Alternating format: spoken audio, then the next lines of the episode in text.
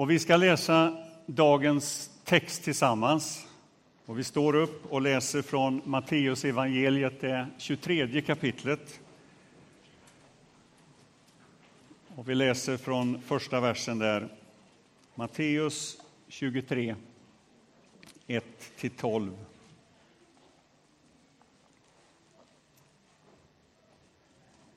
Sedan talade Jesus till folket och sina lärjungar och sa de skriftlärda och fariseerna har satt sig på Moses stol.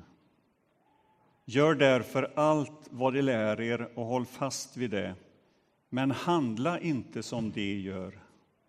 För de säger ett och gör ett annat. De binder ihop tunga bördor och lägger dem på människornas axlar men själva rör de inte ett finger för att rätta till dem. Allt vad de företar sig gör de för att människorna ska lägga märke till dem. De skaffar sig breda böneremsor och stora manteltofsar. De tycker om att ha hedersplatsen på gästabuden och sitta främst i synagogan. Och de vill bli hälsade på torgen och kallas rabbi av alla människor.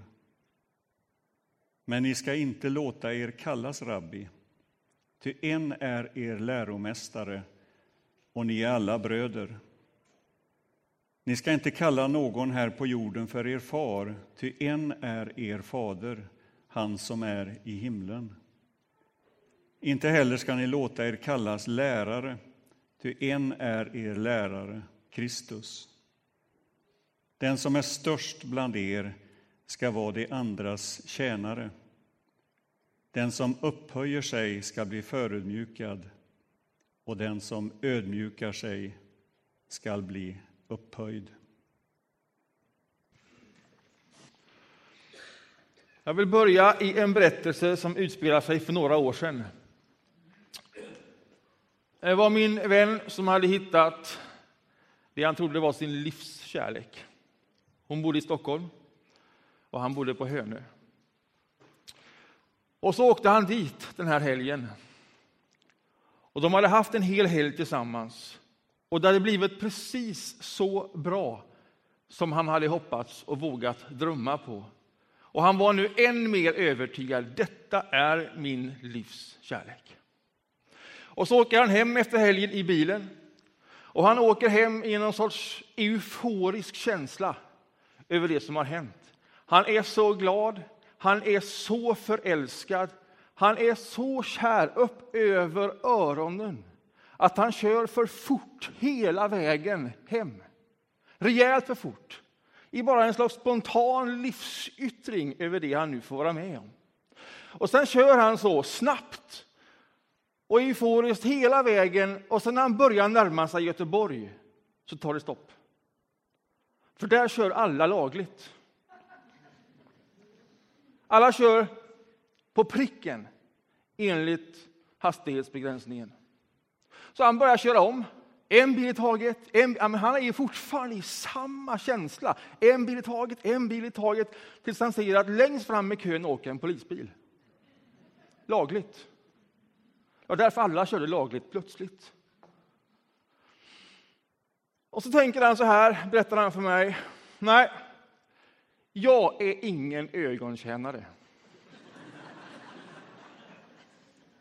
Så han fortsätter att köra om bil efter bil efter bil och sen kommer polisbilen den också och sen drar han iväg. Det tar inte lång tid innan polisbilen kommer ikapp och blåljusen och han vinkas in.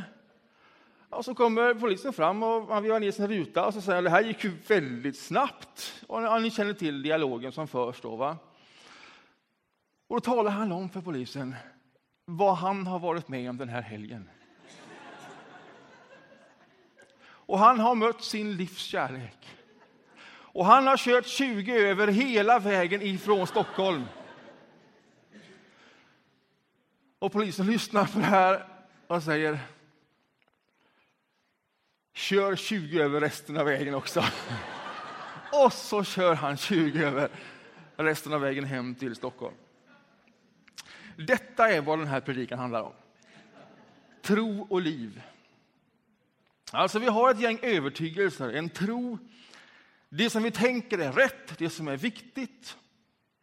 Och så har vi ett liv, en vardag som man lever. Och den här söndagens tema, tro och liv, det handlar om hur flätar man samman tron, livet, kärleken och det liv som man lever. Nu betyder inte det att alla ska göra som han gjorde. Men i sak, tro och liv. Den berättelsen som Ingmar läste ifrån Matteus evangeliet. Det är ju samma sorts berättelse, fast precis tvärtom. Det är ju en berättelse om när tro och liv är helt separerade. När de inte hör ihop. När det är liksom två olika världar. Det man tror och det man säger. Det som är rätt och riktigt och det som blir. Det man gör. Jesus stannar där med sitt gäng och lärjungarna och så tittar han på fariseerna, de skriftlärda. Och så säger han, de här de har satt sig på Moses stol. Alltså de här lär vad de ska lära. De sitter där de ska sitta, de säger vad de ska göra. Det är rätt, det är riktigt. Lyssna på dem. Det de säger, det är rätt. Men, men, sen flyter de liksom ovanpå det de säger. Så att det inte är sammanflätat, det de säger därifrån Moses stol och det de faktiskt gör. Och detta tycks vara ett problem. Ja, ännu värre än så är det, säger Jesus. Alltså det de då säger som i sak är rätt, det blir till bördor för människor att bära. Detta är saker att ge akt på. Detta är rätt, detta är riktigt, detta är rättfärdigt. Men de lyfter inte ett finger för att det livet ska vara möjligt att leva. De är liksom separerade från det, flyter ovanpå det. Tro och liv är inte sammanflätat.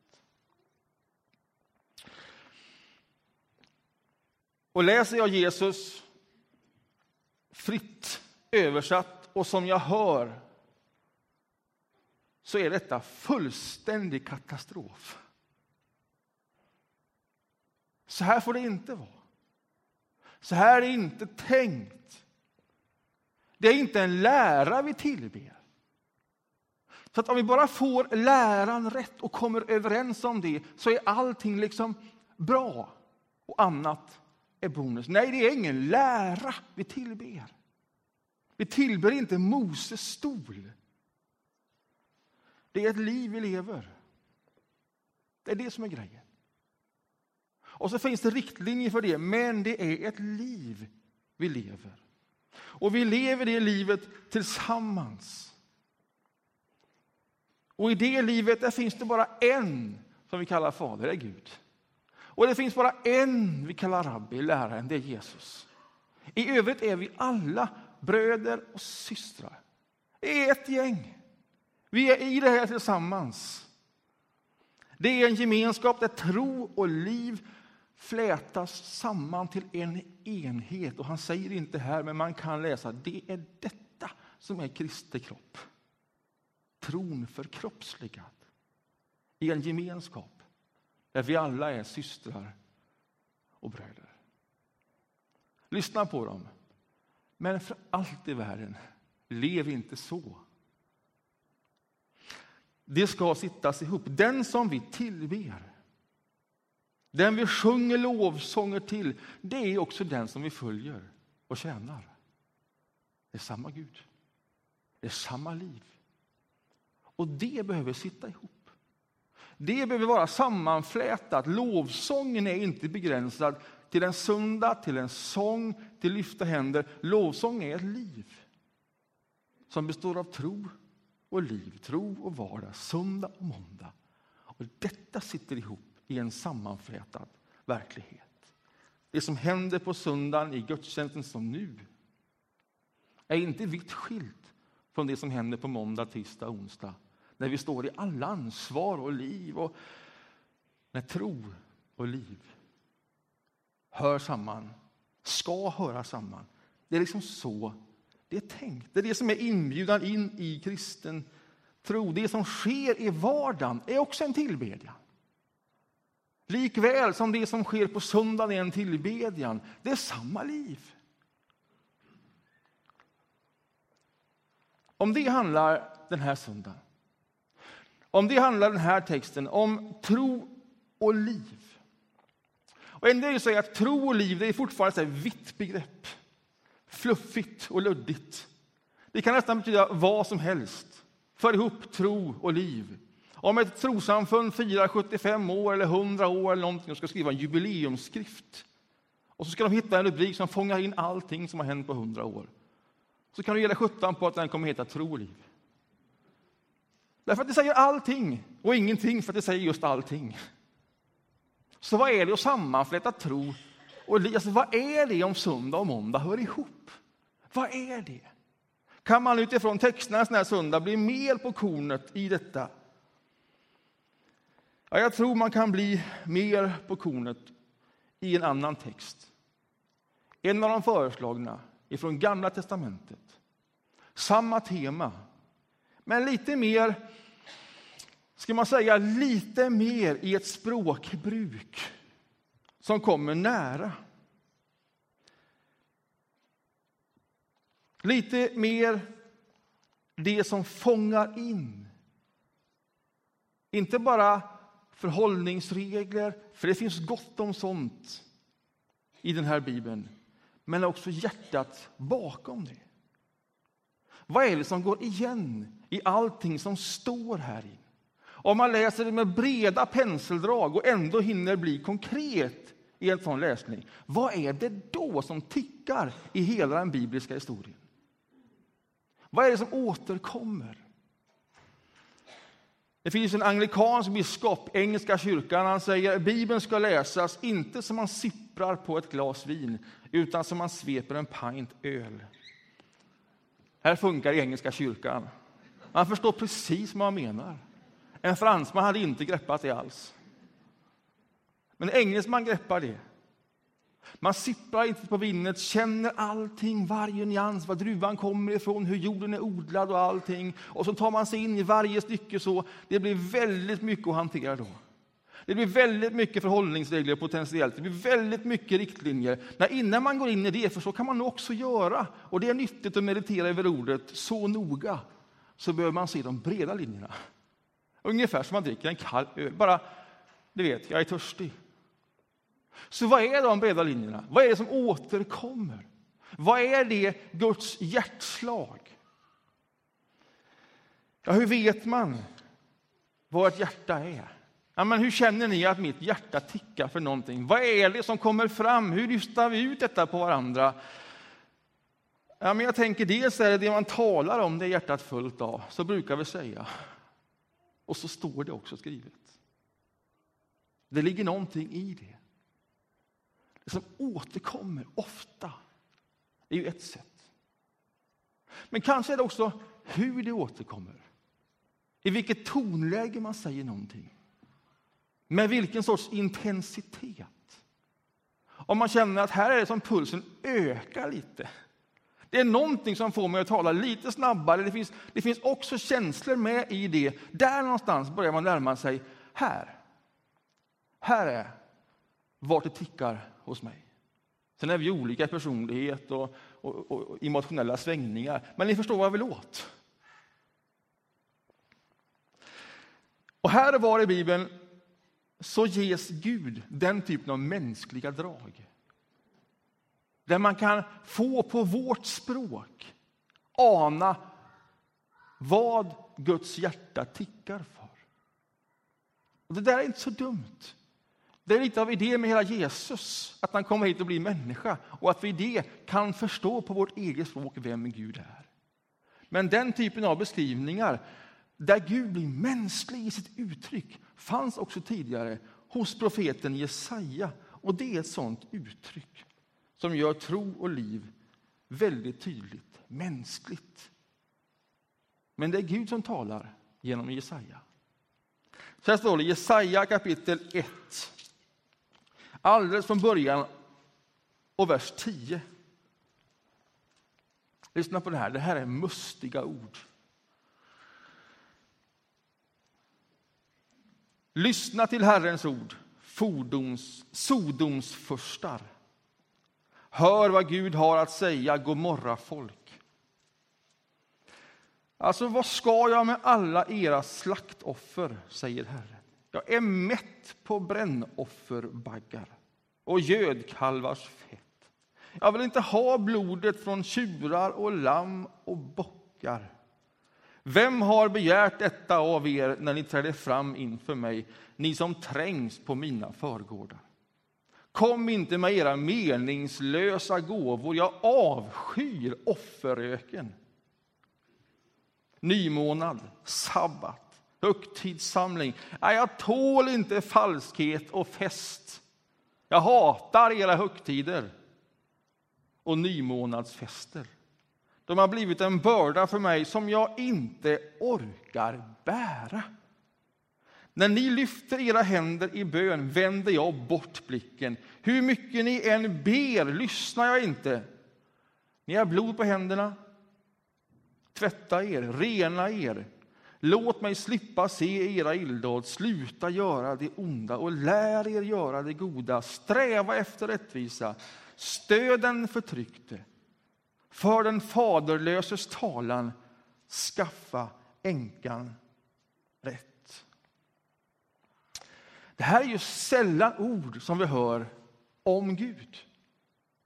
Gud som i vårt sammanhang alltid är den barmhärtige, den nådefulle, den som tronar på våra lovsånger, den som hör varje bön, den som aldrig vänder bort sitt ansikte.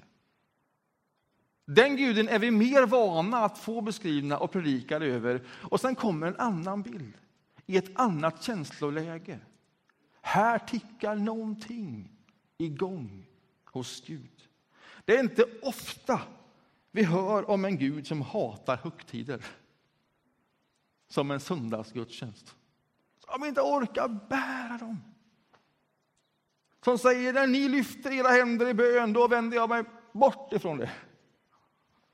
Ja, hur mycket ni än ber, då lyssnar jag inte.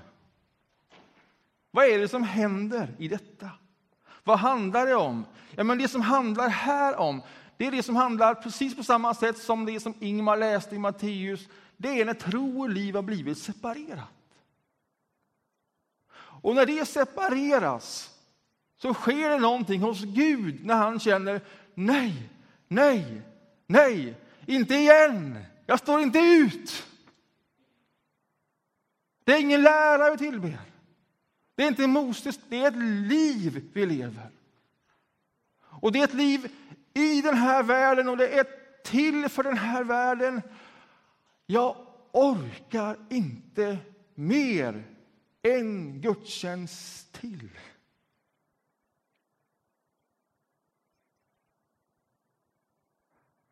Här får Gud mänskliga drag. Vi kan liksom känna igen tonläget. Så här kan man ju uttrycka sig. Liksom, i, känner någonting. Nog nu. Också Gud har känslor. Det här är ett språk som går att förstå. Tron har blivit separerad förd till ett eget säkert rum. Och då säger Gud, spräng det rummet. Det är viktigt, det är det. Men spräng det rummets gränser. Lär er göra det goda. Sträva efter rättvisa. Stöd den förtryckte, för den faderlöses talan. Skaffa änkan rätt. Låt tron forma livet på ett sådant sätt. Spräng om du stängt in och separerat tro från liv. Och om inte, äh, då orkar jag inte bära detta mer. För det är hela idén. Ett liv.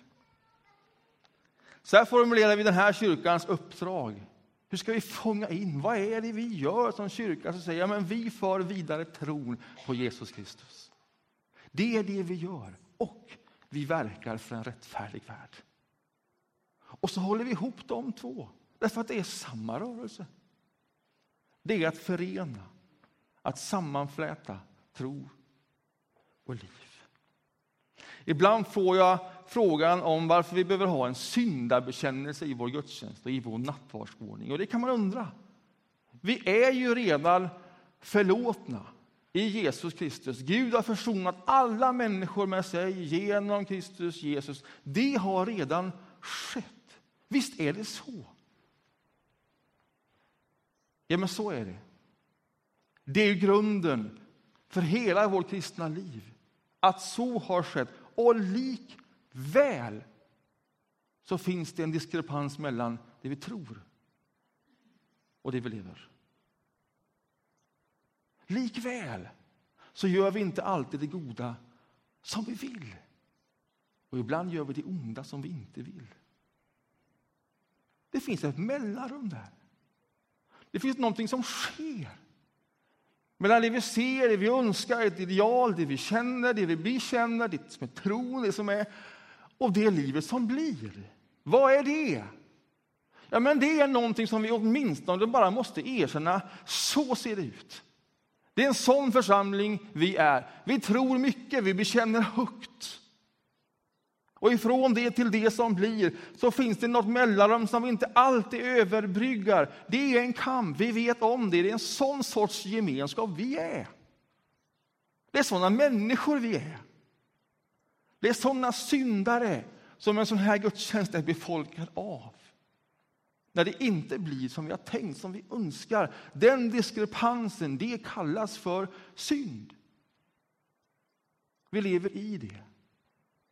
Låt oss bara säga det, sätta ord på det, om man så vill bekänna det. Så här ser vårt liv ut. Men, men vi vill mer. Vi vill mer. Vi vill det goda. Vi vill det rättvisa. Vi vill ge talan åt den som inte har någon egen talan. Vi vill det. Vi vill ge änkan rätt. Detta är vad vi vill. Detta är vad vi vill. Vi bekänner att det inte alltid blir så. Och i den bönen, där kan du vara säker på att Gud inte vänder bort sin blick. Där är Gud. Den bönen hör Gud, och inte bara hör. Där finns Gud närvarande med kraft, med nåd. I den sortens gemenskap finns Jesus Kristus förkroppsligad. Där är han här. Alla vi som där och då och nu lever av nåd. Och den bekännelsen är också ett uttryck för en omvändelse. Vi vill, vi ser, vi längtar, vi drömmer. Därför bekänner vi också det som är. Jag tror det är viktigt. För sig själv och för andra. Det blir en påminnelse om att vi är inte framme. Vi är inte färdiga. Vi är på väg och vi vill vara på väg. Vi vill att tro och liv ska sammanflätas till en enhet. Och när man talar om det här, när man talar om änkans rätt, när man talar om de faderslösa, den förtryckte, så tänker man kanske intuitivt det mellanmänskliga, i de vi möter och så vidare. Och så är det nog. Men märk här hur Jesus talar om ledarna i evangeliet. Och hur Jesaja i Gamla testamentet börjar att tilltala Sodomfurstarna och sen Gomorra folket. Detta är ett ord också specifikt till ledarskapet. Den som har fått mycket anförtrott. Den som har fått mycket anförtrott ansvarar också för mycket i denna frågan. Vad gör man också då om man har tillgång till möjligheter att på ett strukturellt sätt verka för att tro och liv sammanflätas? Här finns det en särskild utmaning, tror jag. Men vi är alla bröder och systrar, vi är i samma uppdrag, vi har möjligheter som en gemenskap och så har vi olika redskap att tillsammans göra någonting långt större än vad var och en kan åstadkomma.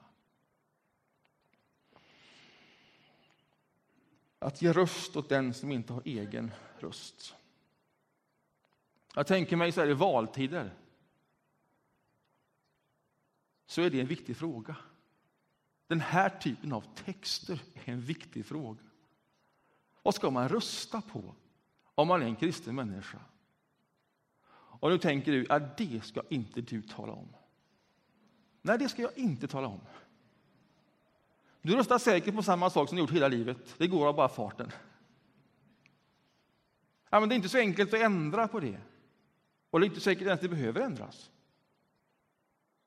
Utan var och en följer sitt samvete och sin röst. Men det man kan fundera över i vårt system, i vårt stolta system, där vi har en demokrati som vi tar för given, det är ju ändå att det är ju ingen garanti för ett gott samhälle. Att vi får rösta och kan rösta och ha en demokrati. Ett majoritetssamhälle är ju inte per definition ett gott samhälle. Det kan ju vara mycket olika saker. Det är mycket som ryms i det samhällssystemet. Vad är det som gör då att demokratin faktiskt är ett gott styrelseskick? Vad är det som säkerställer att det är ett gott styrelseskick? Ja, jag tänker mig att det som säkerställer det, det är att det alltid finns någon som talar in minoritetens röst i det systemet. Som alltid ser till att den som inte har egen röst hörs in i det styrelseskicket. I den meningen tänker jag mig att kyrkan, församlingen, vi har ett ansvar i det att ge röst åt den som inte har röst. Så vilka är de? Vilka är de? För när vi ger dem röst, den röst, då spelar vi med Gud. Så tänker jag. Jag minns ett inspelat samtal med Bono, Youtube-sångaren. Bara ett klipp där han säger vi ber så ofta om att Gud ska välsigna det och det och det och det och det. Och så tänker han, varför inte bara gå in i det som vi redan vet att Gud välsignar? Så blir vi nog välsignade. Detta är ett sånt perspektiv.